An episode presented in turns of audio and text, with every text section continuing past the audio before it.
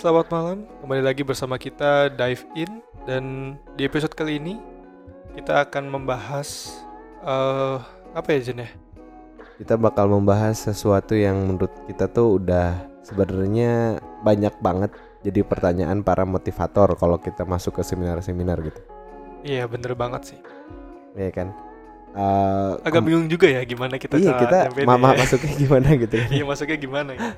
Agak bingung juga nih. Tapi- Soalnya tapi ini banyak banget apa ya? Masih banyak jadi apa ya? Pertanyaan mungkin ya buat teman-teman mungkin. Mungkin mungkin lebih tepatnya bukan pertanyaan yang direct ya, tapi lebih gimana kita akhirnya dapat kalau kalau zaman dulu mah mungkin disebutnya jati diri kali ya. Iya bener banget. Jati Ya, diri. bener jati banget diri sih. kali Iya. ya. Cuman kalau kalau zaman sekarang kan secara lebih simpelnya ya siapa diri kamu gitu kan. Iya. Nah, cuman yang yang paling unik nih eh, untuk episode kali ini tuh sebenarnya kita tanpa adanya si Bima nih. Oh iya by the way sekarang nggak ada Bima ya? ya, sekarang nggak ada Bima gitu. Bima lagi sibuk. Ya, Iya, jadi lagi sibuk. jadi untuk episode kali ini teman-teman bakal ditemenin sama Zen dan juga sama Yogi. Yoi. Ya. Eh, by the way nih teman-teman sehat-sehat semua kan ya? ya Di masa pandemi yang kebetulan nih lagi naik lagi nih. Iya lagi naik lagi naik terus Semoga tetap dikasih kesehatan ya. ya terus juga pada WFH kan yang yang pada kerja terus Iya. kalau yang sekolahan kira-kira ini enggak ya Daring kurang ya? tahu tuh. Mungkin mungkin daring lagi Daring ya. Soalnya ya? beberapa kayaknya kalau lihat di jalan tuh udah jarang banget yang pagi-pagi Iya, sekolah. iya. Padahal kan kemarin-kemarin sempet kan. Iya, mulai kemarin-kemarin rame sempet- lagi sempet kan. rame, Tapi sekarang udah mulai sepi lagi. Mungkin PPKM mungkin ya. Iya, Jadi iya. daring lagi mungkin. nah maksudnya kalau misalkan di waktu-waktu kesendirian ini teman-teman itu banyak banget waktu untuk apa ya berpikir tentang diri kalian gitu kayak nge-explore lebih sebenarnya Zen itu kayak gimana gitu sebenarnya Yogi itu gimana gitu kan. Sebenarnya lu ngelihat dunia itu seperti apa gitu. Menurutnya kalau misalkan gue ya secara pribadi kalau misalkan gue paham pemikiran itu dari zaman gue SMA atau lebih awal ya mungkin gue bakal bisa lebih memandang dunia ini secara berbeda gitu. Karena kan dulu dulu jujur dulu waktu zaman SMA gue lebih banyak mikirin kayak aduh eh, film yang bakal keluar apa ya kayak gitu aduh s- eh, season ini tuh apa ya namanya anime yang bagus apa gitu kan Jadi lebih ke apa ya? Lebih- Hal-hal yang sebenarnya nggak bukan tentang diri kita sendiri gitu Iya, ya. jadi lebih- hal yang malah. yang kita pikirin tuh konten daripada dunianya Nah, bukan dunianya secara keutuhan gitu iya. Ya, mungkin mungkin zaman SMA mungkin ya siapa sih yang memikirin dunia kayak kayak suatu bahasan yang sangat berat begini Bener banget sih. Kayaknya jarang deh. jarang kan Jarang banget sih kayaknya. jarang kan Iya. tapi tapi dulu dulu banget waktu zaman SMA tuh gua punya temen uh, dia kemudian keterima nih di UGM uh, jurusan filsafat nah dia tuh uh, pertama tuh dia menggembor-gemborkan uh, buku buku apa ya namanya Tuhan telah mati. Oh, iya. Berat juga ya bacaannya. ya Frederick Nietzsche jadi Oke. dia pertama baca buku itu dan dia langsung kayak gua ateis wah anjing keren banget parah Oh, dia langsung Iya, nyebutin dia dirinya. langsung dirinya dia bilang gua ateis. Oh, ini. Terus Ke mana-mana pakai jaket Illuminati. Keren banget dah parah. asik Maksud banget ya. maksud gua di zaman SMA tuh, wah ini bocah freak banget parah gitu kan. Iya gak sih? Waktu waktu zaman SMA tuh kita berpikir bahwasannya orang kayak gini tuh orang yang orang yang apa ya? aneh lah gitu kan. Lu lu nggak nggak normal gitu kan. Iya. Karena mungkin pemikiran kita masih close gitu kan, masih Iya, benar, tertutup benar. gitu kan dan Belum dan- terarah lah gitu. Iya, iya, kita belum melihat dunia itu seperti apa. Akhirnya kita hanya memandang dunia itu yang ada pada realitanya aja gitu. Ya pada saat itu aja ya. Ya, ya, yang pada saat itu aja lu di kelas ya itu dunia lu gitu kan. Lu di waret ya dunia lu. Di rumah, Di di, rumah, kamar ya kan. Di di ekskul atau di apa namanya ruang OSIS gitu kan ya itu dunia lu. Tapi lama kelamaan kita kemudian eh, makin tua lu ngerasa nggak sih di TV yang paling sering kita tonton tuh bukan hal lain selain berita. Yoi. Makin makin lama kan ngerasa kayak gitu ya. Iya. Lihat ah berita ditonton, ah berita ditonton. Tapi kalau misalkan ada kayak apa Cinta Fitri kah atau drama-drama telenovela Indo lah, kita semakin tua semakin ngerasa itu tuh nggak interest gitu loh. Iya benar. Kita lebih akhirnya lebih memandang dari berita itu dan Hmm. kita akhirnya punya gambaran eh, Indonesia dulu deh kayak gimana sebelum kita mikirin negara lain gitu loh Yoi. ya kan dan tapi sebenarnya kita juga nggak harus mikirin negara-negara lain untuk melihat dunia itu karena kalau misalkan akhirnya pada akhirnya yang yang gua rasakan yang gua pahami dunia itu ya yang sejauh mata lu memandang gitu menurut gue ya jadi kayak ya lu sekarang berada di suatu ruangan di studio. Ini sekarang adalah dunia lu. Karena pandangan lu lagi di sini gitu kan. Nah mungkin ketika kita lagi nggak beraktivitas kayak di kamar gitu kan dunia lu ya cuman kamar doang. Tapi kalau lu liatnya ke depan tuh kalau lu liatnya ke diri lu Oh, pasti ke mana-mana tuh. nah iya kan Iya. lu mikirin kayak masa lalu iya kan Bisa ke masa lalu. iya kan Atau bahkan mungkin ke masa depan. iya gitu masa kan. depan dua tahun lagi gua jadi apa sih gitu kan? Yoi. gue kuliah di mana sih kalau yang SMA gitu kan kalau yang lagi kuliah dua tahun lagi lulus nggak ya kayak gitu kan Nanti kalau udah lulus mau ngapain ya? Iya. iya gitu kan kita nanti kalau udah kerja kerja itu kayak gimana sih gitu kan nggak secara tidak langsung bahwasannya uh, dunia kita bukan hanya ada yang ada di depan mata doang tapi yang ada di belakang mata kita itu secara alam bawah sadar gitu. Kita seharusnya bisa nge-explore itu. Makanya gua nggak nggak habis pikir dari zaman SMP uh, guru apa namanya guru apa sih BPBK ya BK, BK. Guru BK Bimbingan konseling. Iya kan dulu namanya BPBK kan. Iya. BP atau BK ya? Gimana ya? Kalau gue BPBK. Oh, BPK. Iya BP BP sli- uh, slash BK. Oh, Oke. Nah, jadi uh, guru BPBK gue itu Pak E disebutnya si Pak E ini selalu bilang cari jati diri kamu, cari jati diri kamu. Dari SMP kelas 1 sampai gue SMP kelas 3 gue nggak tahu yang namanya jati diri itu kayak gimana. Dulu kan belum belum belum belum apa ya belum melek sama internet banget tuh. Yoi. Anjing zaman tahun 2000 berapa? Lu nggak mungkin nge-google anjir. Android aja belum keluar zaman gue SMP, ya kan? Yoi. Jadi Dan gimana ya? eh, kata jati diri juga masih bisa dibilang klise gitu. iya klise, abu gitu. klise, heeh. Maksudnya jati diri itu apa gitu iya, kan? gitu kan? Kan Sementara guru BP tadi bilang Pak siapa? Pak E tadi. Pak ya. E tadi cuma bilang cari jati diri gitu. Iya, cari jati diri kamu. Kamu itu siapa gitu. Itu dari zaman gue SMP gitu Iya. loh. Dan dan SMA gue belum nemu jawabannya gitu loh. Tapi gue menyadari pada dasarnya ya gue adalah Zen gitu loh. Ya ini gue gitu loh. Gue yang tingginya segini, berat badan segini. Akhirnya gue melihat diri gue sebagai diri gue secara fisik, secara sifat, Hmm, ya kan, secara ranking kelas gue ranking 30. Ya kan? Oke. jadi jadi Dari berapa kayak siswa nih? dari 30 mas. Oke. dari 30 siswa gue ranking 30. Gue goblok pokoknya. Oke. gue gue zaman SMA gue nakal gitu kan. Gue nakal gue goblok gitu kan. Ah, ini jangan dicontoh ya. Ini jangan dicontoh gitu. Kan tapi kemudian gue mulai menyadari bahwasannya gue nggak suka matematika gue nggak suka uh, fisika gue nggak suka kimia. Tapi itu juga pada dasarnya bagian daripada diri gue tapi gue nggak ngerti apakah itu adalah jati diri gue apakah jati diri gue nggak suka sama yang hitung-hitungan gitu loh. Jadi kayak guide-nya tuh apa sih gitu. jati diri itu kayak gimana? Siapa yang tahu diri lu? Masa orang lain? Kalau misalkan nih anehnya ya kalau misalkan gue nanya sama orang ya eh gue orangnya gimana sih? Lu orangnya gini gini gini gini. Kadang-kadang gue emang iya ya? Malah malah kadang kan kita yang merasa emang iya ya? Gitu. kita yang nggak accept malah ya. Bukan bukan hanya nggak accept kita pun bingung ya. Hah? emang iya emang anjing emang iya ya? Bangsat gitu maksud gue kayak oh, lu tahu-tahuan sih gitu ya malah jadinya kita malah kalau mau tahu diri kita sendiri malah nanya ke orang lain nih iya. Dan itu banyak sih sebenarnya. Banyak kan banyak banyak, kan Eh, kadang-kadang kalau men- menurut lu gue gimana sih sebenarnya? Iya kan terus kadang-kadang kita juga aja gitu. mencari validasi. Gue gue kan orangnya penyabar banget ya. Iya sih lu penyabar mantap ya. Lu temen gue banget berarti kalau lu mendukung semua perkataan gue Iya, masalahnya tuh ada yang emang beneran dia ngungkapin apa yang dia rasain tentang lu, dia pikirkan tentang lu. Tapi ada juga yang ya asal lu seneng lah gitu. Yang penting eh, kita masih bisa jadi temenan gitu. Jangan sampai ada kelas gara-gara omongan ini doang gitu kan ada juga orang-orang yang masih kayak gitu. ada Jadi jadi nggak bisa dibilang info atau data itu valid gitu loh. iya tapi pada dasarnya kita nggak pernah tahu kalau itu benar Benar ya itu makanya. Nah, itu yang gue sadari pas gue SMA nih.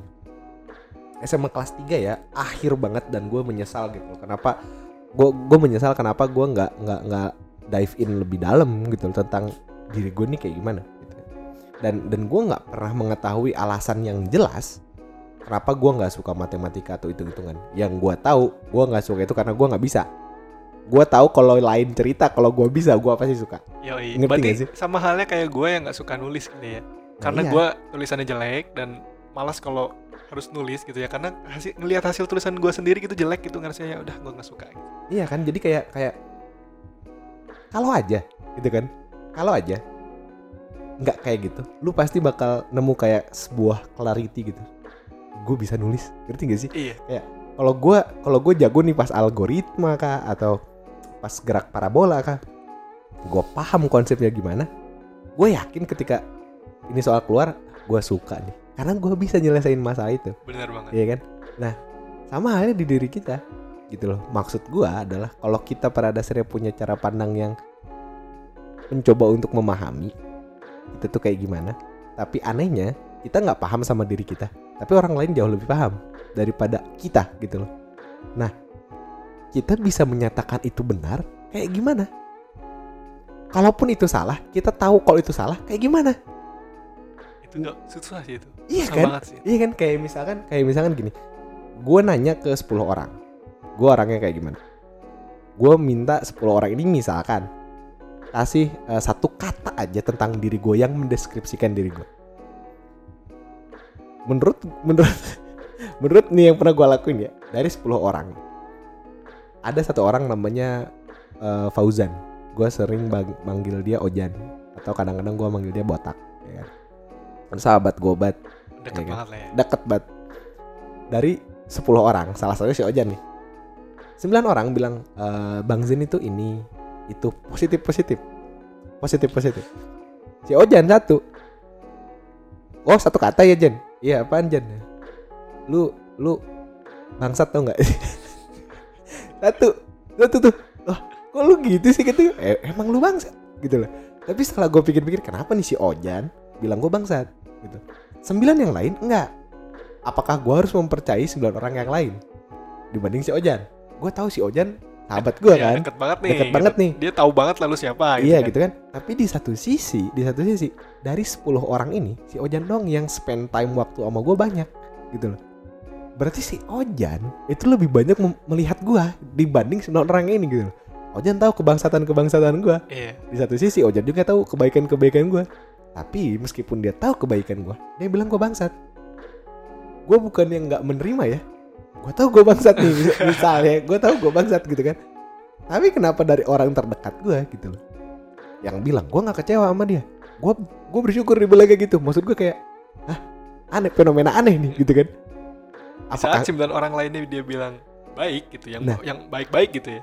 Satu orang ini yang notabene adalah teman terdekat lu malah bilang lu bangsat. Nah gitu iya, kan. jadi jadi gue mikirnya kayak apakah gue bangsat dan apakah gue sebangsat itu gitu loh. Nah akhirnya gue mencoba itu kan zaman gue kuliah ya. Akhirnya gue mencoba untuk kayak kayak apa sih nilai-nilai atau orang eh, apa ya karakter-karakter yang bisa disebut dalam kategori bangsat gitu. Apakah gue main cewek? Enggak, ya kan? Enggak gue.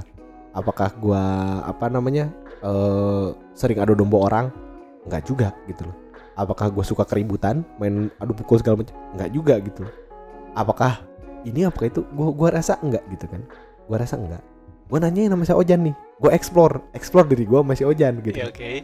kenapa lu bisa bilang gue bangsat? Jan gue pengen tahu nih kata gue dia bilang ya apa yang lu sering lakuin eh, sebenarnya bukan bangsat. Akhirnya dia terbuka nih bukan bangsat dalam kategori apa ya bener-bener bangsat dia bilang. Cuman cuman bagi gua kalau gua ngasih lu sesuatu hal yang positif dalam arti kayak ngasih sisi baiknya lu doang ya lu nanti nggak akan apa ya mengakui lah katakan sisi jahatnya lu. Oke kata gue nah ini kan kasus di mana gue mencoba untuk nyari tahu nih eh, diri gue tuh kayak gimana ya kan? Terus dia bilang ya apa pun diri lu ya kan? Ya lu harus tahu kalau kalau lu adalah lu gitu loh. Si Ojan emang orangnya sangat filsafat sekali gitu loh. Bocahnya sangat filsafat. Dan dan gue mencoba untuk mendalami itu. Apa pun gua dia bilang ya gua adalah gua gitu terus dia bilang tapi lu jangan berpikir bahwasannya lu akan stagnan di situ dia bilang. Coba lu pikirin kalau ada suatu force atau suatu daya di mana ya lu bisa berubah dan itu pun nggak salah gitu. Loh ya ya sih dalam hati gue ya. Ya iya sih. Oke jangan thank you gitu gue balik. Dan gue coba buat berpikir lebih Berpikir lagi Ya, tentang- berpikir lebih jauh. tentang yang apa yang diucapin Ojan atau tetap- masih tetap perbandingan nih? Sembilan orang bilang ini. Tapi itu sebuah sebuah suatu hal yang menarik gak sih? Dalam Menarik arti sih. dalam arti kayak semua orang punya semua orang punya cara memandang lu dengan berbeda gitu. Dan lu pun punya cara pandang diri lu sendiri berbeda gitu dengan diri lu nah tapi yang paling yang paling gua pengen kasih tahu sebenarnya bukan pengalaman gue yang itu sih ini berkorelasi dengan eh, salah satu apa ya konteks mitologi Jepang ini bukan mitos sembarang mitos nih oke bukan mitos sembarang mitos. Jadi di Jepang tuh dia punya suatu pepatah. Dia bilang manusia itu sejatinya punya tiga topeng. oke Nih kata kata si apa ya pepatah Jepang. Topeng paling luar nih, topeng yang ditunjukin sama ya orang-orang yang jauh dari lo ya. Maksudnya kayak teman, teman kerja, hanya kenalan mungkin ya kenalan. Topeng yang kedua itu topeng yang lu tunjukin ke kerabat-kerabat lu. Gitu loh. Kayak kerabat keluarga, keluarga kayak gitu. Topeng yang terakhir, topeng yang lu tunjukin sama anak-anak lu sama istri-istri. Oh, oke oke pacar lah katakan. the closest one berarti ya Iya, yang benar iya. dekat sama lu bener-bener dekat. Lalu terakhir adalah wajah lu. Wajah lu tuh cuman diketahuin sama lu dan sama Tuhan yang tahu. ya. yoi Jadi lu punya tiga layer dulu topeng, baru kemudian lu punya perwujudan wajah yang asli. Oh. Di mana sebenarnya kalau kita pikirin lebih dalam lagi, setiap orang itu bakal ngeliat topeng yang mana nih? Ngerti dan itu sih? pasti akan secara alami akan teratur sendiri ya ini Iya. orang eh, di di posisi gua ini orang tuh di mana gitu kan dan Hmm. bakal topeng mana nih yang gue tampilin dan itu secara alami sih kayaknya ya Bener iya, nggak? iya secara alami. Jadi kita kita kita punya kayak kayak sebuah kayak defense mekanisme atau seperti apa di mana kita kemudian bisa apa ya namanya menahan diri untuk menunjukkan kita tuh kayak gimana gitu. Ya. Mungkin mungkin kita punya apa ya namanya rasa bukan bukan apa ya bukan takut tapi lebih tepatnya rasa insecure. Mungkin. Di mana pada dasarnya mungkin orang-orang nggak mungkin menerima kita yang kayak gitu. Berarti ada sisi yang ibaratnya nggak ingin sebagian orang tahu gitu Tahu, ya gitu tentang kan. kita. Tapi kita tahu. Tapi kita kenapa nggak mau mengaku itu? Kalau kita kayak gitu. Dalam dalam diri kita yang kalau kita lagi sendiri ya. Ya. Gitu loh. Kenapa ya? Gitu kan. Itu Nah. berarti kalau menurut gue ya pepatah atau apa tadi? Pepatahnya Jepang itu iya iya. Itu bisa jadi sih emang keadaan real semua orang saat ini. Itu juga yang menurut gua ada korelasinya sama yang sembilan orang tadi sama si Ojan. Si Ojan mungkin dia lihat topeng yang satu topeng sebelum wajah gua. Sementara yang sembilan lain tuh ngelihat dua atau topeng paling luar lah. Tiga, iya. Nah, topeng kedua atau topeng ketiga lah. Jadi kayak oh wajar kata gue si Ojan bilang gitu. Gue akhirnya terbuka kan di situ. Ya juga kata gue. Terus kemudian gue baca-baca buku lagi. Gue baca buku Emily Griffin pada saat itu tentang teori komunikasi. Dia menjelaskan tentang eh, spatial ruang-ruang komunikasi. Gue mikir kayak apa sih hubungannya sama komunikasi gitu kan? Awalnya gue kayak ya ada buku gue baca aja gitu kan ternyata dari buku ringkasannya si Emily Griffin ini tuh eh, dia bilang pada dasarnya manusia itu kalau berkomunikasi dia tergantung dengan space-nya. Maksud space ini tuh jarak nih, gitu kan. Jarak gitu kan. Pertama ada ruang publik. Space Oke. publik. Terus ada space sosial. oke Terus sosial. ada space eh, apa kerabat. Terus terakhir intim, terus personal oke kok nambah kata gue ya kan publik ya kan? Sosial, sosial. kerabat intim. Personal. personal. Oke. Kok nambah kata Nambah, kalau dari yang Jepang yang kan Jepang cuma tiga tuh. cuma tiga kan? baru yang diri kita sendiri ya kan? personal kan? Ah. empat tuh kan jadinya. Empat. nah ini kok jadi lima kata gue gue baca-baca lagi. Ternyata yang dimasuk dengan public space itu lu harus melihat kayak kayak lu ngelihat orang berpapasan. Lu nggak kenal dia siapa. Lu nggak kenal dia siapa tapi lu cuman ngelihat orang itu sebagai orang yang ya udah dia berpapasan sama lu aja di ruang publik gitu loh. lu nggak tahu namanya dia siapa tapi lu lihat dia Ya. Dan dia mu- kemungkinan dia juga lihat lu gitu kan. Iya. Iya. Iya. Nah, maksudnya maksud dia ada space uh, komunikasi itu yang di ruang publik pada dasarnya itu kayak ketika kita ingin ngeluarin kayak pidato atau kita Oh, oke oke. ya kayak kayak kita uh, engage seseorang ketika dia kecelakaan gitu loh atau ketika dia ya gimana lah kayak gitulah intinya ya. Kayak gitu. Nah orang itu adalah orang yang nggak tahu lu sama sekali Sama gitu. sekali ya. sama sekali. Tapi lu masih bisa berkomunikasi dan lu masih bisa punya perwajahan di muka publik. Ngerti gak sih? Ya, ngerti banget. perwajahan di muka publik. Ya kayak misalkan kayak eh, public figure lah nah lu kan nggak tahu siapa Raffi Ahmad anjing. Maksudnya kayak kan kayak gitu. Iya benar tapi lu tahu dia karena dia ada di TV di, Di TV, film ya kan? atau di nggak di YouTube bla, di bla, berita bla, gitu ya. kan? Lu ngelihat dia tapi dia nggak ngelihat lu. Tapi lu ada di ruang publiknya dia. Gitu loh. Iya. makanya publik memandang. Nah, publik memandang. Kayak kalau misalkan lu ada isu politik publik memandang. Ya kan akan berbeda ketika orang yang di dalam pemerintahan memandang isu tersebut gitu loh. karena bagi mereka cara pandangnya ya kita di ruang publik mereka di ruang intim mungkin atau di ruang uh, kerabat atau di ruang sosial mungkin nah perbedaannya publik sama sosial bedanya kalau sosial kita tahu nih kayak kita di ruang kelas kita tahu si orang itu di ujung itu siapa kita ngelihat dia ngelihat kita juga Dan gitu. kita berinteraksi juga sama orang tersebut. Ha-ha, kalau kita berisik dia juga mungkin bisa terganggu gitu Ya, kan Betul. nah kayak gitu di uh, ruang apa namanya uh, kerabat sama temen ya yang sering nongkrong lah sama kita yang sering uh, satu kosan lah sama kita atau enggak satu tempat apa ya satu tempat les lah sama kita kayak gitu jadi hanya orang-orang makin ke sini kok makin mengerucut mengerucut mengerucut makin kecil sementara orang yang intim ya pacar lu kayak istri lu Anak-anak. anak-anak lu yang berarti dalam waktu 10 jam ya dia ngelihat lu di rumah gitu loh. Dia punya waktu lebih banyak untuk mengobservasi lu. Terus yang terakhir nih, personal space gitu kan. Ya lu yang cuman tahu, lu 24 jam gitu loh. Yang mengetahui diri lu. Bener. Nah, di situ gue punya pertanyaan, kok bisa kita nggak tahu diri kita kayak gimana?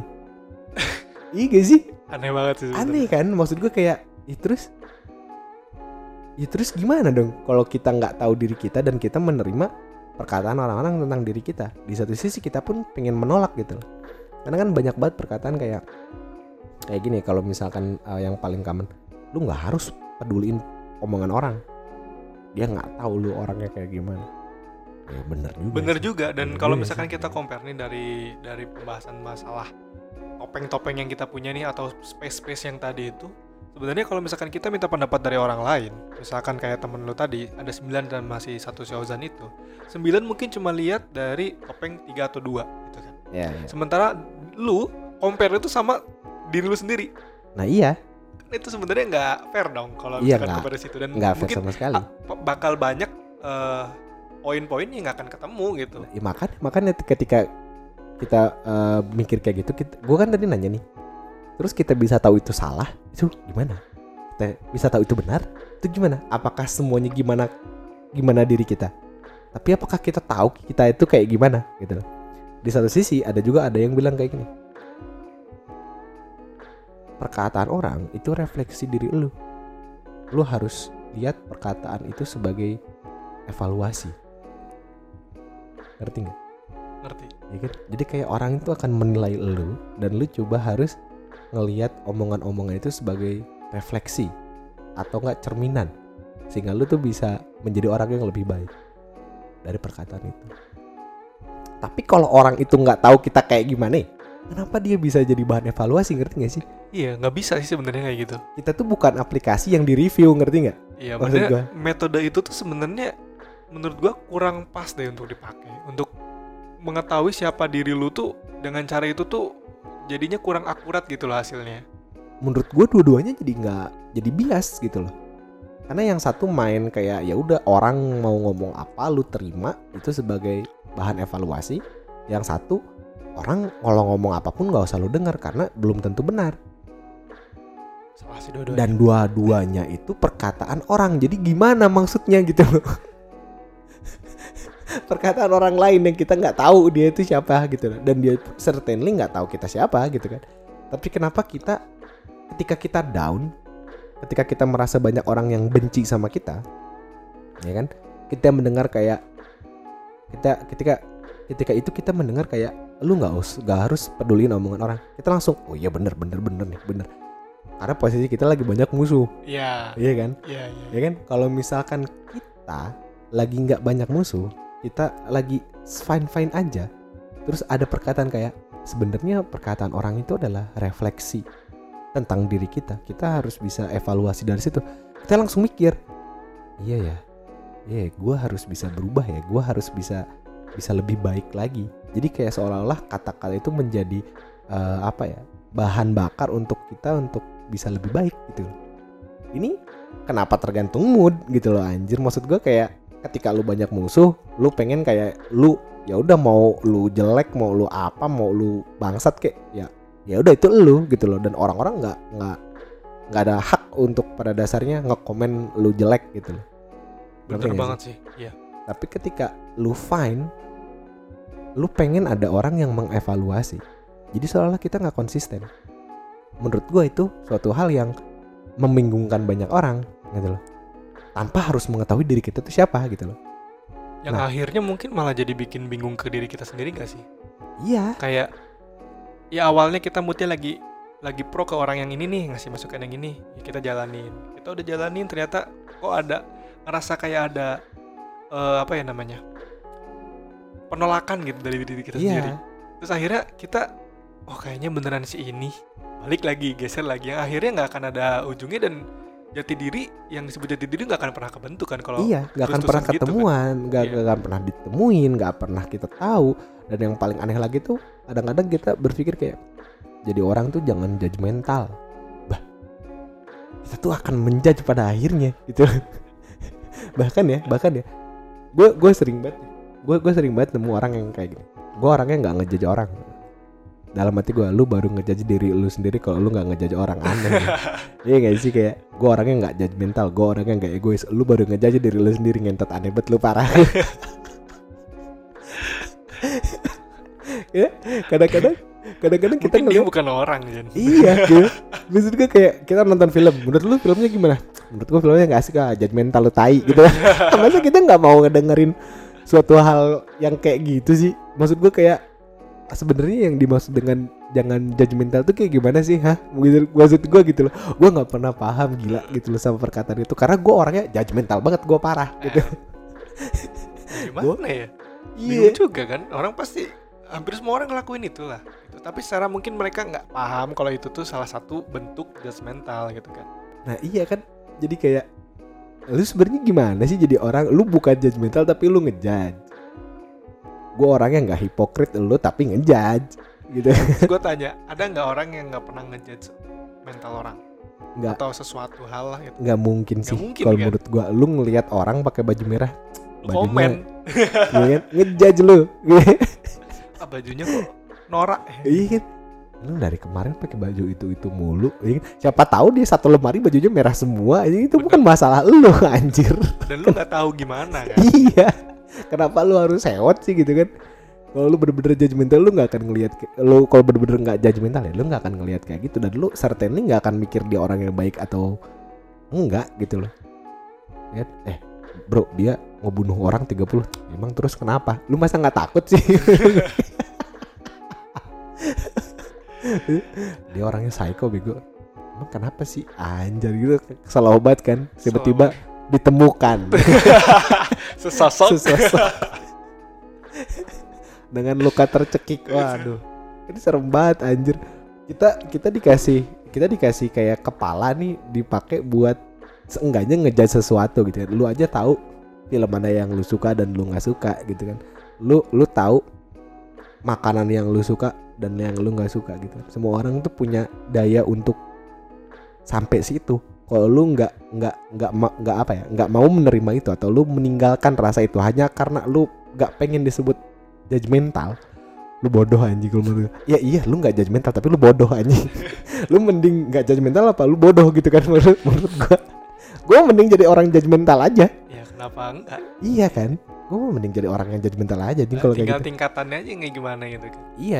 Judgmental juga kan ada yang mungkin eh, walaupun sama ya topiknya judgmental gitu ya. Tapi kan ada yang disampaikan secara mungkin lebih halus gitu kan atau bener-bener terang-terangan gitu kan. Atau lu nggak usah nyampein sama sekali. Ya, itu juga udah termasuk ada ya bener juga Ada, ya. kan? dari dari gimmick juga udah bisa jadi ya. Iya kan kayak gimmick muka ya kan atau misalkan gini. Di, di- orangnya bau bet parah tapi lu nggak usah ngomong gitu loh. Ya udah keep to yourself gimmick aja. gitu. Misalkan dari gimmick itu juga udah termasuk gak sih? Iya kan maksud gua kayak ya udah sih gitu kan ya lu baru nge, lu baru menilai orang itu tapi lu nggak harus ngebuat penilaian lu tuh diketahui banyak orang.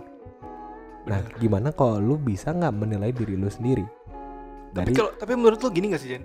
Orang-orang yang ngejudgmental gitu malah justru yang bisa jadi salah satu referensi buat kita.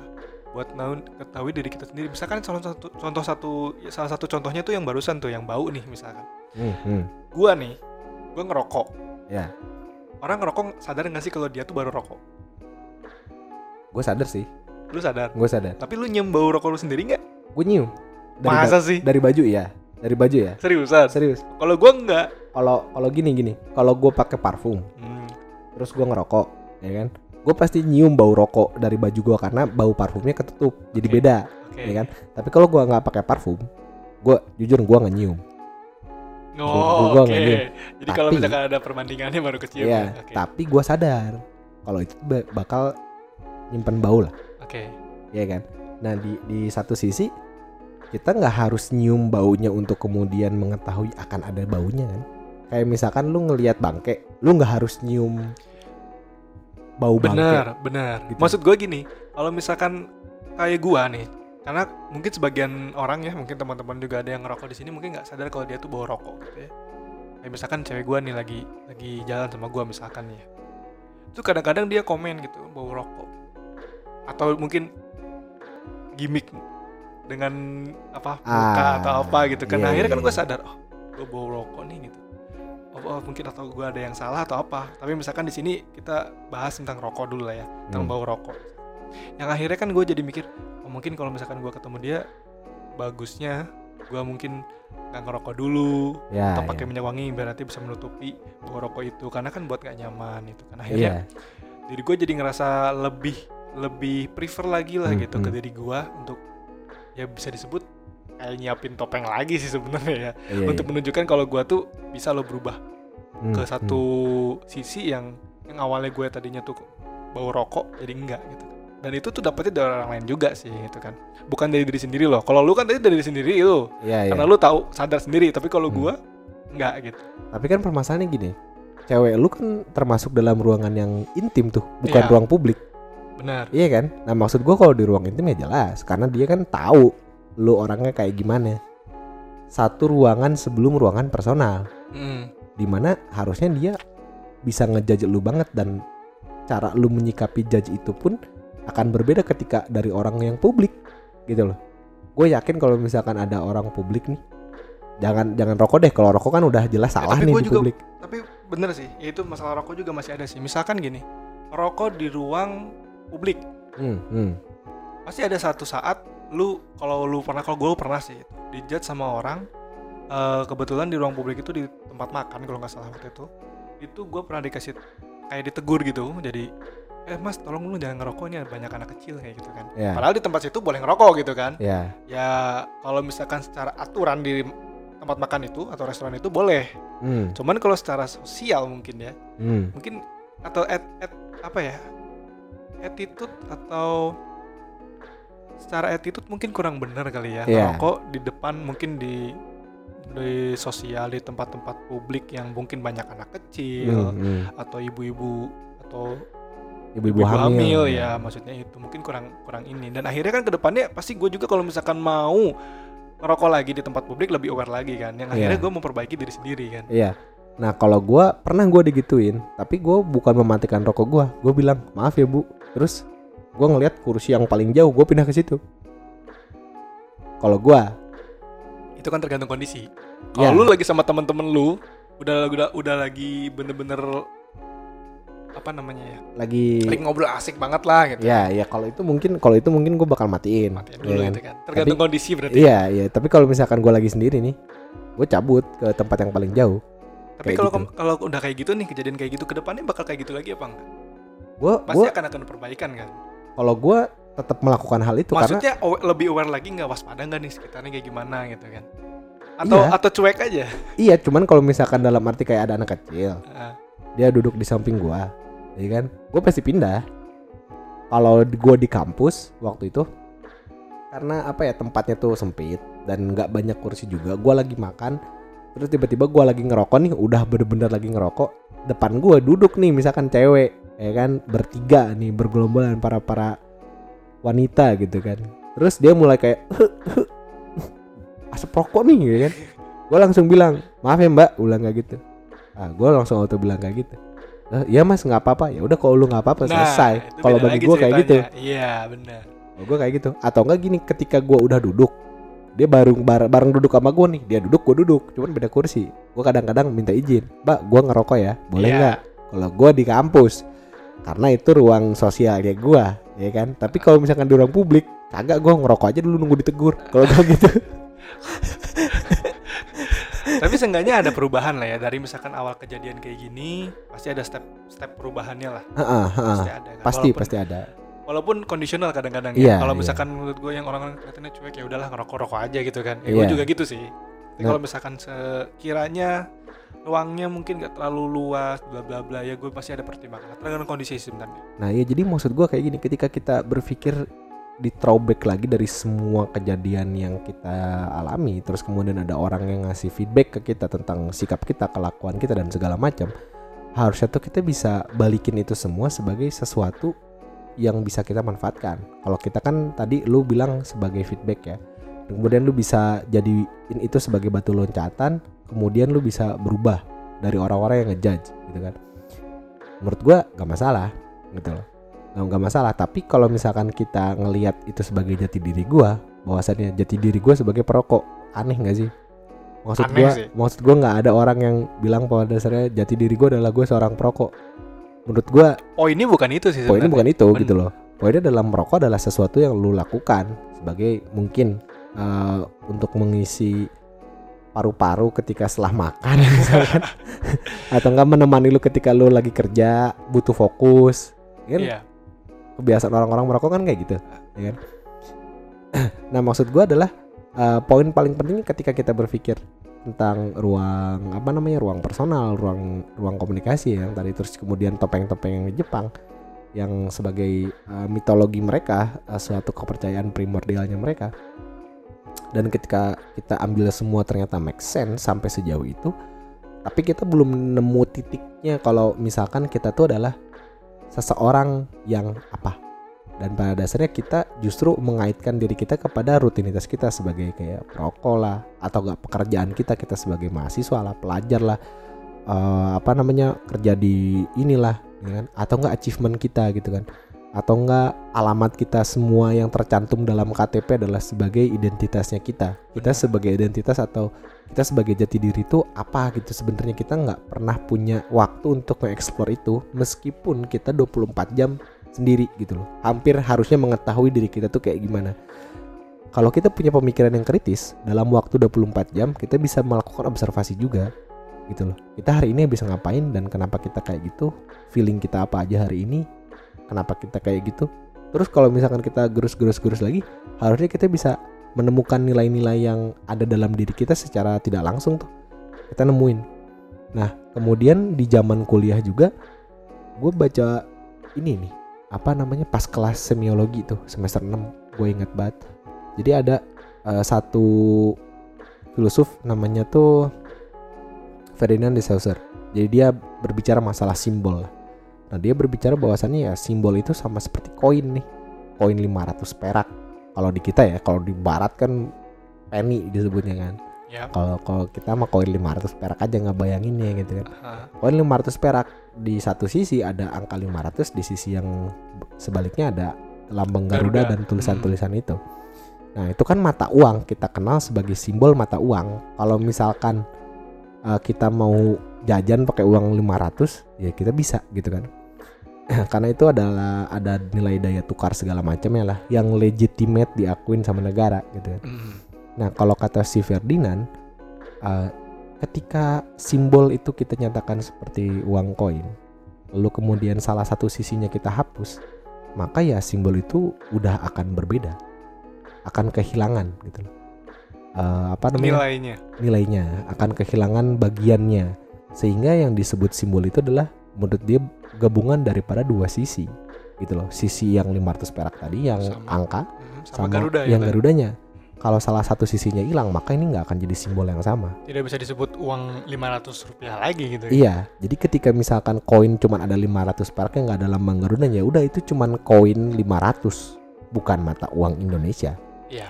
Kayak hanya gitu. sebuah koin mungkin bisa disebut ya iya hanya sebuah koin dan nggak mungkin orang mau menerima itu sebagai uang iya karena nggak ada legitimasi yang lambang, lambang garudanya. Benar kebalikannya juga kalau misalkan ya kan? Lambang garudanya doang yang ada yang 500 nya juga nggak ada Nggak gitu ada gitu. Ada cuman lambang lambang garudanya nggak tahu nilainya berapa. Ya kan? Nggak akan juga disebut dengan uang karena nggak tahu nih nilainya berapa. Ya 500 perak kah 200 kah 300 kah kan nggak tahu. Gitu. iya. Maka di- dia juga akan kehilangan sisi yang penting. Jadi simbol ini adalah satu kesatuan kalau kata dia. Nah terus gue mikir terus hubungannya sama bulat gimana? Kalau misalkan koin 500 yang nggak bulat kotak. Apakah akan jadi duit 500 perak? Nggak juga. Berarti simbol itu kan yang kita nyatakan dan yang kita kenal seperti itu. Nah lalu gue mikir kayak wah gimana kalau gue adalah sebagai simbol? Tapi di pikiran orang-orang. Ngerti gak sih? Iya ngerti Itu- banget sih. Karena orang-orang mungkin mandang kita tuh eh, dari beberapa sisi kan nah nah terus kata si Ferdinand kayak gini simbol eh, interpretasi seorang terhadap simbol itu tidak pernah disalahkan kalau simbol yang enggak ada legitimasinya ya kayak mata uang mata uang kan udah ada legitimasi tuh Hmm, Ya udah pasti mata uang lah kalau itu mah iya ya kan? Tapi kalau misalkan lu bayangin kayak simbol palu deh. Atau nggak jangan palu, neraca deh. Hmm. Orang kan mikirnya kayak simbol keseimbangan. Lambang Libra. Wih, ya kan? pengadilan Keadilan, ya kan? Palu juga kan keadilan, ya Iya. kan? Ada yang mikir oh Thor, gitu. ada juga Ada juga, tapi nggak pernah salah gitu. Iya. Karena tergantung kita memandang itu seperti apa. betul Nah, gimana kalau kita adalah simbol tapi di pandangan orang-orang? Berarti kita punya dua sisi nih, sisi baik sama sisi buruk. Ya. Kita nggak bisa jadi diri kita kalau misalkan sisi buruk itu nggak ada. Benar Maksud gua adalah kalau nama gua Zen sekarang, besok misalkan gua ganti nama jadi eh, Reza, misalkan katakanlah jadi Reza, apakah gua tetaplah jati dirinya seperti ini? Kalau gua alamatnya ganti di KTP, apakah gua tetap dari diri gue yang kayak gini? ya enggak lah Nama doang loh ya yang ganti. iya Besok gua ganti nama, alamat gua ganti, tetaplah. Kalau menurut gua, ya iyalah, nama doang nama doang yang diganti. Karena jati diri gua emang enggak. oh Maksud gue kayak gitu. Karena nama adalah nama doang, Bro. Iya gak sih? Kalau lu namanya kan sekarang Yogi nih. Ah. Katakanlah oh secara pribadi Iya, secara Oke. pribadi. Katakanlah besok Iya, nama iya, lu iya. bukan Yogi tapi Igoy. ah ya beda lah eh ya sama kalau secara Namanya- namanya beda Namanya kalau beda. pribadinya sama Pribadinya sama. Iya. Nah, maksud gua adalah ternyata nama ini hanyalah kulit paling luar aja. Identitas paling luar tuh ya cuma nama. Coba kalau nama lu bukan Yogi, apakah lu akan seperti ini? Menurut gua sama aja gitu loh. Ya. Meskipun nama lu beda gitu loh. Nah, sama kayak apa ya namanya?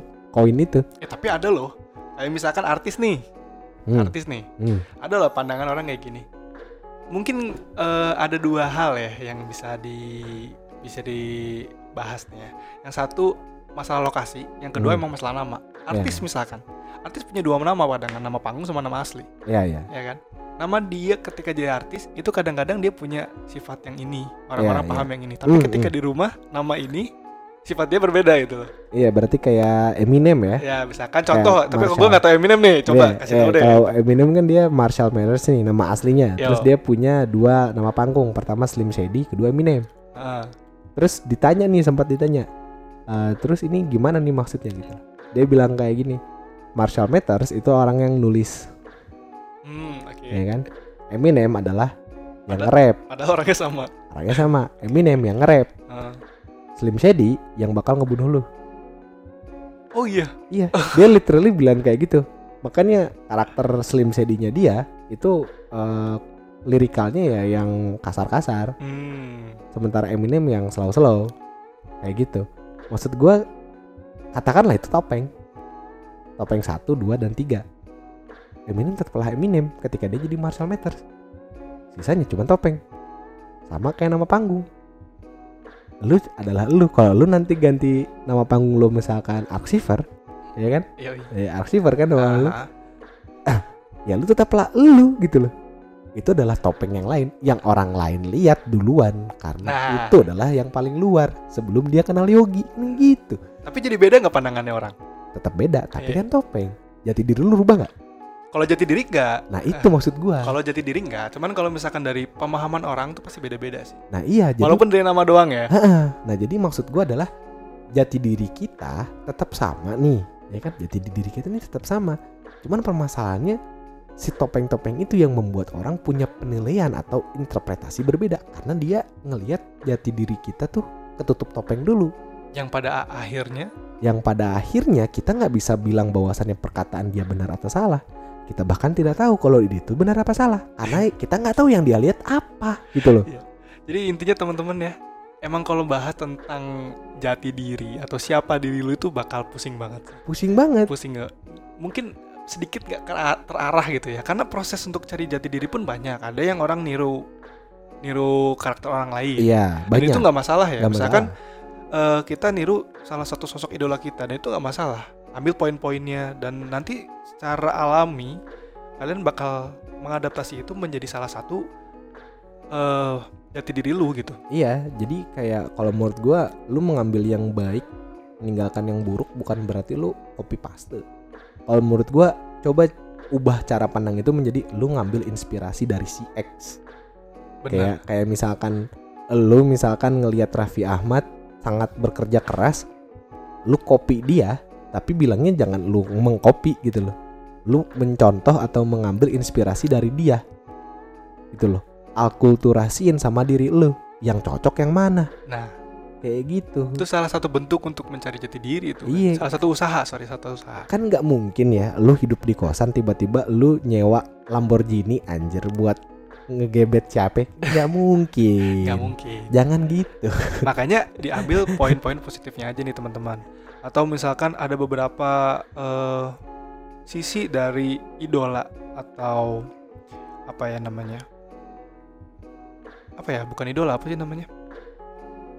Apa? Eh, kayak misalkan sosok ayah nih contohnya. ya, ya. Jadinya bisa dibilang idola atau pahlawan lu lah gitu. Hmm. Poin-poin yang menurut lu baik menurut lu, menurut lu bisa pas sama diri lu ya udah pakai aja nggak apa-apa nggak masalah. nggak masalah karena semuanya akan lebih jelas by experience dari waktu ke waktu semakin lu terus berusaha untuk memahami diri lu itu bakal semakin kelihatan gitu Iya, bakal banget. Tapi lu harus mau mengakui dulu kalau lu punya sisi jahat dan lu punya oh sisi iya baik. ya benar benar itu benar salah satu langkah awalnya tuh. Karena kan kita harus lihat kita sebagai simbol nih, Ya. bukan di pandangan orang dulu tapi dipandang diri kita.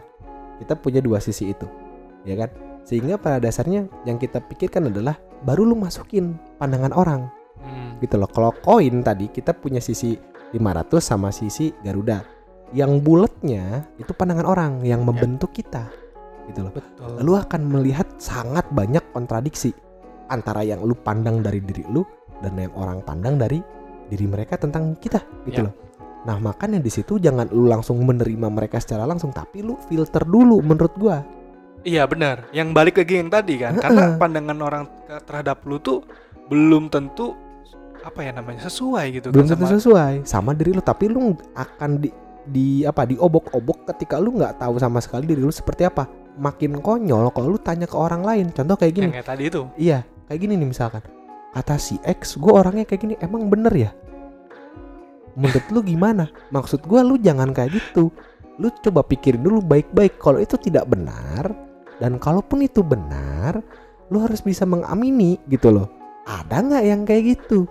kalau lu nggak ada yang kayak gitu lu coba buka topeng lu yang satunya tunjukin ke orang itu coba apa namanya? Coba tes cobain Coba lagi tes coba tanya aja. lagi. Ini gua iya. nih topeng ke satu gua tapi nggak usah disebutin langsung topeng gitu ya. Iya. ini, gua yang kayak gini gini gini atau nunjukin secara nggak langsung aja gitu loh. Iya. Kegiatan-kegiatan atau hal-hal yang lu nggak pernah ngasih lihat ke orang-orang nah tersebut maksud gitu. kan. gue kenapa juga lu pengen banget punya sisi kayak lu harus diterima sama semua orang. Semua kualitas lu.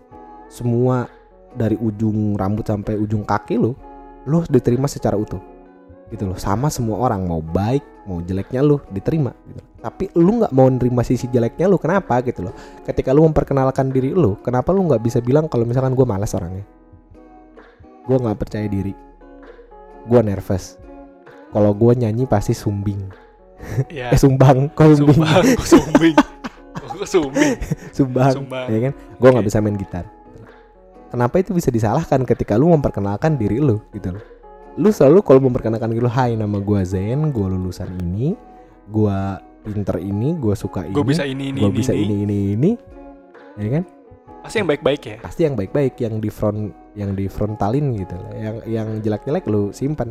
Biarkanlah bangke itu tercium dengan sendirinya. Ya kan Iya. kayak gitu? Yoi.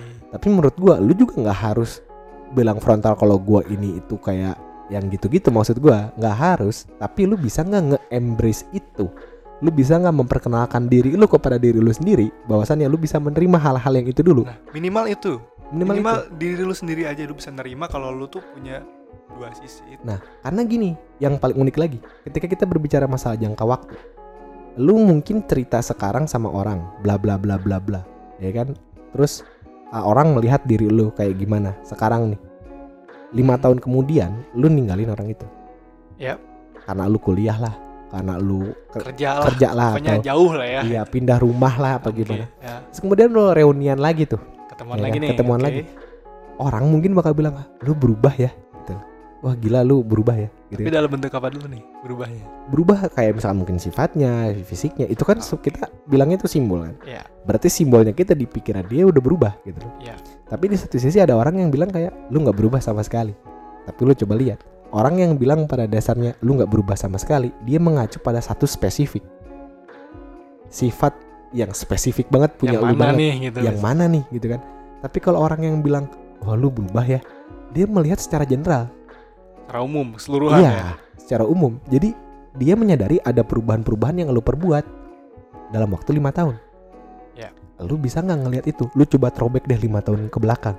Dulu lu orangnya kayak gimana? Teman-teman dulu kayak gimana sih? Lima tahun yang lalu. Terus kamu lihat perubahan-perubahan itu sampai ke titik sekarang. Oh ternyata gue udah sampai sini. Lu kalau misalkan ngelihat di masa depan, lu bakal kayak gimana? Nah itu yang lu harus kejar. Perubahan itu pasti gitu loh. Karena bagi gua ada pepatah yang enak banget nih buat dibicarain gitu kan. Pada dasarnya zaman itu terus berubah, ya kan? Maka orang-orang pun akan berubah juga. Makanya yang masa lalu itu biarlah jadi sejarah.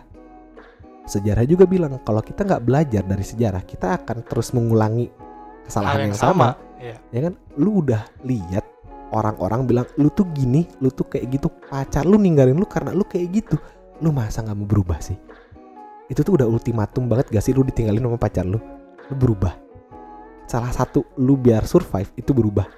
Gila kita itu dulu tuh cuman apa ya seremeh bakteri atau apalah yang hidup di laut. Terus kita jadi kadal sampai kita jadi manusia. Kalau menurut teorinya Darwin ya kita jadi manusia itu sejauh itu butuh evolusi 5 juta tahun ya kan? Perubahan 5 juta tahun 5 juta tahun yang lalu kita tuh cuman serpihan debu mengambang anjing di lautan gitu kan. Tapi kita nggak usah ngelihat itu kejauhan gitu kan. Kita lihat aja lima tahun yang lalu dulu gitu loh lalu kemudian ketika kita berpikir sekarang adalah masa sekarang adalah masa yang menurut kita kita hidup sekarang kita harus bisa memandang masa depan supaya kita bisa mengejar itu gitu loh.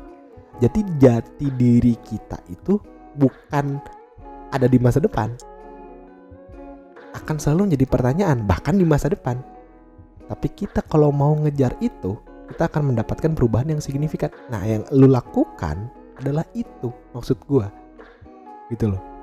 Akhirnya yang kita sadari adalah kita adalah orang kalau jati diri ya kalau ditanya nih siapa diri kamu ya kita adalah manifestasi daripada nilai-nilai kita gitu loh. Baik yang jelek baik yang baik gitu loh. kita adalah manifestasi dari nilai-nilai itu. Mau lu egois ya udah. Mau lu apa pesimis ya udah. Terima tapi lu harus berubah kenapa lu harus berubah? Karena hal-hal yang kayak itu nggak akan ngebuat lu lebih baik di masa depan. Kita hidup hari ini untuk esok hari kita bisa hidup lagi. Bukan kita hidup hari ini terus yolo gitu anjing. Nggak nggak juga gitu loh. Kita masih ada hari esok. Kita masih, ada hari lusa, masih ada terus sampai kan? ke depan. Kalau dalam bahasa Inggris mungkin teman-teman sering banget dengar ini dari di, di Kung Fu Panda ada nih quotes ini nih apa nih? Dari Master Sifu. Uguay Uguay. Oh, Uguay. Uguay Uguay. dia bilang kayak gini. Today is is present. Yesterday is history. Future is a mystery. That's Oke. why that's why nih that's why. Today is a gift. Oke berkah ya? Berkah. Jadi hari ini tuh berkah. Kemarin sejarah. Hari ini berkah. Masa depan besok masa depan petualangan aja adventure berarti ya. adventure aja petualangan aja lu harus bisa kalau lu berpetualang bagai bagai bajak laut misalkan Iya, dan kalau misalkan masalah petualang mungkin bisa bisa apa ya? Salah satu kasih contoh misalkan kita main game yang karakternya tuh punya statistik bla bla bla dan kita tuh Nah. harus bisa uh, level up nah di statistik-statistik itu berdasarkan experience kita gitu Nah, kan. iya. Dan itu kan pasti lihat dari pengalaman-pengalaman kita di belakang kan. Betul. Dulu awalnya gue kayak gini nih. Kok ini gue tetap gini statistiknya ya? Terus gue harus ngelakuin hal ini. Oh ini nih gara-gara hal ini gue nggak bisa berkembang nih stat yang ini. nah Jadi iya ada evaluasi. suatu mekanisme supaya lu bisa survive di kemudian hari Nah, siapa tahu besok lu dapat seseorang yang memandang lu berbeda dan lu nggak prepare dan lu malah telat prepare lu kehilangan kesempatan menurut gua ada perkataan dari abang gua nih yang nyantol sampai sekarang dia bilang kesempatan itu akan selalu ada mau besok mau sekarang dua menit lagi lima jam lagi kesempatan akan selalu ada buat Berarti ada seseorang. pepat, ada ada bukan pepatah atau bisa disebut apa ya? Kesempatan itu nggak datang dua kali itu berarti salah ya? salah. Kalau menurut abang gua kayak gitu. Kesempatan tuh akan selalu ada tapi bagaimana lu bisa mempersiapkan semuanya meskipun lu nggak ngelihat kesempatan pada hari itu? Jadi ketika ada kesempatan klik langsung lu pek, dapet gitu loh. Itu kemudian orang-orang gak mau menyia-nyiakan kesempatan. Lu bakal menyia-nyiakan kesempatan kalau lu tanpa prepare Nah, itu dia. siapa tahu lima tahun kemudian lu jadi apa siapa tahu ya nggak ada yang tapi- tahu kan? iya tapi dalam waktu lima tahun sampai di titik itu lu nggak prepare lu nggak akan jadi siapa-siapa di lima tahun itu Walaupun siapa maksudnya ke depan nggak ada yang tahu gitu ya. Tapi kalau Iya. misalkan kita nggak prepare ya nggak akan juga sa- kesampaian gitu kan? iya Benar benar benar. kayak gitu ada orang cuman iseng doang untuk mencapai titik itu kayak siapa Gorzali Everyday Oh iya, Gozali Everyday itu Iya yang kan? foto tiap hari. yang foto tiap hari kan Eh, selfie selfie ya. ya kan selfie tiap hari dia iseng tapi lu lihat gak konsistennya Ya, niat banget sih itu dan konsisten banget sih. sehingga kita nggak bisa bilang itu iseng Yang awalnya iseng ya. yang awalnya iseng tapi dia konsisten gue udah nggak bilang nggak bisa bilang itu iseng sih Karena terus-terusan ya. karena terus terusan Dan itu sampai berapa tahun tuh dia Nah, iya. ngumpulin. menurut gue lu nggak iseng sih lu punya sebuah konsep yang pengen Ada. ada gitu. Beneran ada emang. ya? Sebodoh apa pun kata orang lu ngapain selfie tiap hari ha? Sebodoh apa pun. yang awalnya tuh sebenarnya dia goalnya tuh tahu gue ya dia tuh mau bikin kayak video eh, ini Time lapse. time lapse Nah iya kan. awalnya kan di situ Maksud gue kayak sebodoh apa pun itu akan menjadi suatu hal yang unik ketika momennya udah matang. Ada lagi nih quotes dari dosen gue. Dia bilang kayak gini. Semua orang tuh layaknya seperti buah. Jangan kamu mendahului orang lain. Nanti ketika yang lain matang, kamu akan busuk. Wah. Gila nggak? Maksudnya banget dia, lu harus bermain bersama dan beriringan dengan waktu. Lima tahun yang di depan nggak harus terjadi saat ini. ikutin aja harusnya Ikutin aja alurnya ya. harusnya. Nah, Jadi ketika lu nyampe lima tahun, ya kan, lu mateng di saat yang tepat. benar Bukan lima tahun lu busuk. Iya kan? Kayak apa ya? Orang yang invest di suatu bidang yang pada dasarnya dia tiba-tiba invest gede, bek. Di saat itu lima tahun kemudian busuk. apakah salah analisis atau apa ya karena lu nggak main lima tahun dulu tuh untuk menganalisis ah ini gua 100 juta dulu kali ya. Kalau lu Iya. punya duit gitu kan lu lu 10 juta dulu kali ya. Ya kan terus ah besok ini marketnya naik. Gue tambahin lagi ah. Ya kan? Jadi step by step gitu step ya. by step ya kan? Nggak langsung. Nggak langsung bak 500 juta bak rugi. Ya gila, gila namanya kayak gitu. Banyak hal sih yang kayak banyak hal. yang emang harusnya tuh dilakukan step by step gitu. Jadi perubahan itu juga nggak akan apa namanya dalam waktu satu hari lo langsung berubah 180 derajat dari lo yang sekarang juga nggak akan mungkin. Iya, kemarin sempat kita bilang pada dasarnya ke teman-teman, kita butuh waktu 4000 jam untuk jadi expert. Nah, Nah, itu yang Bener. dimaksud sama dosen gue juga. Lu nggak mungkin tiba-tiba punya experience 4000 jam di hari ini. Orang hari ini aja cuma 24 jam. gimana ceritanya? Eh, iya, lo ngecit waktu. heh soyam. Doctor Jadi kaya. gitu kan. Kalau nggak masuk ke ini apa namanya? Yang di bleach tuh yang oh lorong ya, apa namanya? terowongan itu ya, Iya. bangsat. Nah, maksud Kan nggak mungkin gitu loh. Iya, mungkin. Jadi nggak mungkin kalau misalkan lu eh gua kemarin habis denger podcastnya Dive In nih tentang rubah ma- masalah jati diri. Gue kayaknya langsung berubah nih hari ini. Enggak, Nggak mungkin gitu. enggak, loh. enggak mungkin. Dan bukan itu yang kita harapkan. Maksudnya yang penting kalian tahu poin-poin yang bisa apa ya? Salah satu cara untuk mendapatkan jati diri. Terus eh, gimana cara apa ya namanya menanggapi tanggapan-tanggapan dari orang tuh lu harus gimana handle-nya. Iya. Itu yang kita mau sampaikan ke teman-teman semua. Iya, dan lu harus menerima dulu. Nah, itu. Intinya Kayak lu harus bisa nerima dulu. nerima dulu diri lu sebelum lu bener-bener nemuin diri lu seperti apa dan Betul. kemudian lu berubah ke arah yang lebih baik karena jati diri lu aja bisa berubah kok Benar, benar. bisa Bisa. yakin gua orang nih yang udah jadi napi 20 tahun jadi napi gara-gara dia ngebunuh besoknya jadi ustad Iya. Dan itu kalau misalkan yang awalnya dari pemuda bisa disebut jadi diri bu jadi diri bukan ya? enggak Bukan. bukan Oke. gak mungkin dia ngebunuh tiap hari kan maksud gua Iya juga sih. Dan dan itu mungkin ada alasannya ya. mungkin ada alasannya kalaupun dia Tapi kalau psikopat psikopat bukan jati diri bro penyakit. Oke ya. Nah kalau kalau ngom- ngomong masalah itu bakal lebar banget sih ya karena kalau lebar ngomong banget masalah lebar banget ke apa namanya orang-orang yang ibaratnya mungkin di sisi yang negatifnya lebih kental lebih tebal mungkin susah juga ya bisa dibilang itu jati diri atau bukan gitu ya Iya, susah, susah banget, banget sih. susah banget. Jadi menurut gue nih bagi teman-teman yang sekarang, teman-teman nggak harus berubah buat besok, tapi pastiin dua tahun kemudian teman-teman berubah, pastiin itu, buat progres setiap harinya. dan nggak harus dipatok ya gue kalau dua tahun ke depan gue mau jadi orang yang kayak gini nggak harus kayak gitu Nggak juga ya. harus kayak gitu. ikutin aja harusnya Ikutin aja, ikutin aja harusnya. Tapi dua tahun kalian bakal ngelihat progresnya. Betul itu, banget. itu yang gue pengen tuh, maksud gue, lu bakal ngelihat progresnya. Banyak-banyak ngelihat ke belakang deh, karena itu sejarah daripada kalian, bagian daripada kalian. Itu juga yang ngebentuk kalian saat ini. Kejadian-kejadian yang di masa lalu, ya benar ya kan? terus kalau misalkan masukan dari orang lain Zen gimana cara handle Zen kalau menurut lu Zen kita terima atau kita filter atau gimana Zen Filter filter ya kalau masukan orang lain ya. ya Tapi kalau dari pengalaman diri lu, lu terima. benar Lu dipukul sama 10 orang, lu terima itu sebagai sebuah kejadian. Mau traumatik atau enggak, lu terima. Terima Betul karena banget. dunia udah kayak gitu sama lu. nggak bisa dirubah.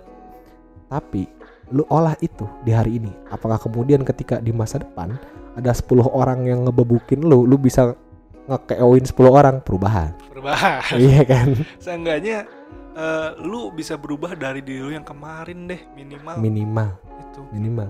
itu udah salah satu perkembangan menuju jati diri lu yang apa ya yang sebenarnya gitu. Iya, lu harus bisa menerima dulu, Bro. Gitu aja intinya kalau dari gue. Jati diri ditemukan ketika lu bisa menerima kondisi lu yang sekarang, kondisi lu di masa lalu, dan kemudian lu bisa menerima perkataan baik, perkataan buruk tentang lu, dari orang-orang lain dan lu bisa menerima kualitas baik dan kualitas buruk dari lu, dan betul lu sadar kalau lu punya kualitas buruk, berubah.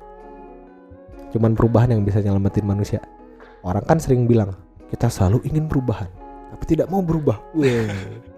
iya kan? bener-bener Kayak gitu maksudnya. dan ada lagi kalau misalkan kita udah melakukan hal, semua hal itu kita juga harus ingat harus prepare untuk menghadapi waktu yang akan datang prepare benar-benar prepare dan gak harus apa ya namanya kayak tadi langsung loncat gitu yang harusnya kejadian di dua tahun yang akan datang lu langsung hajar di hari besok Ya. enggak step Nggak, by step aja step by step aja. ikutin alurnya aja jangan jangan bilang kalau lu naik lift lu naik tangga sebenarnya. Ya. Dan lu bisa aja merangkak karena lu lagi ada kondisi sesuatu kita Bener. nggak tahu. Tapi lu tetap harus bisa maju. Harus tetap bisa maju dan berubah ya Berubah. menuju eh, apa ya hal yang lebih baik mungkin hal yang ya. lebih baik. Buat diri lu yang paling penting. Kalau lu nggak bisa di satu itu stuck cari yang bisa lu berubah. Iya gak usah Cari- maksain gak usah nggak usah maksain. gua nggak gua misalkan gua nggak bisa gua nggak bisa berhenti merokok untuk saat ini. Cari yang lain kayak yang bisa lu berubah gitu kan? Hmm, lu misalkan gua mau berubah jam tidur berubah jam tidur lu. Lu berubah eh, hari ini gua mau ngaji satu ayat besok lu dua ayat nggak masalah. Itu termasuk progres juga kan? progres ya kan? Besok lu baca buku eh, apa satu halaman besok lu baca buku hal yang sama dua halaman atau tiga halaman nggak masalah. Besok lu nelfon cewek lu sekali lu besok nelfon cewek lu tiga kali. Perubahan. Perubahan ya kan? Apa pun yang bisa lu upgrade upgrade lah. Kayak main COC lu ngerti nggak? semuanya di upgrade ya upgrade aja. Jadi itu ya mungkin teman-teman yang bisa kita sampaikan eh, pada malam hari ini. Eh, jangan lupa kita dive in bakal terus update. Kapan Zen? Setiap hari Selasa sama Kamis jam 5 sore. Jam 5 sore. Dan buat teman-teman yang kalau misalkan ada masukan atau mungkin ada ide-ide untuk topik-topik yang mau kita bahas bisa Betul. langsung disampaikan aja di di DM kita bisa di DM di kita Instagram mana? kita di oh iya kita in Instagram ya iya dive Iya. in dot project kalian cari kalau di email email dive in dot project at gmail.com Oke, terima kasih buat teman-teman semua yang udah menemani kita mendengarkan eh celotehan-celotehan kita tentang Iya, betul, apa nih betul. topik hari ini tuh tentang Eh, siapa jati diri, diri, ya Jati siapa diri. diri kita dan jati diri. Eh, terima kasih sampai bertemu lagi di episode selanjutnya. Selamat malam. Selamat malam.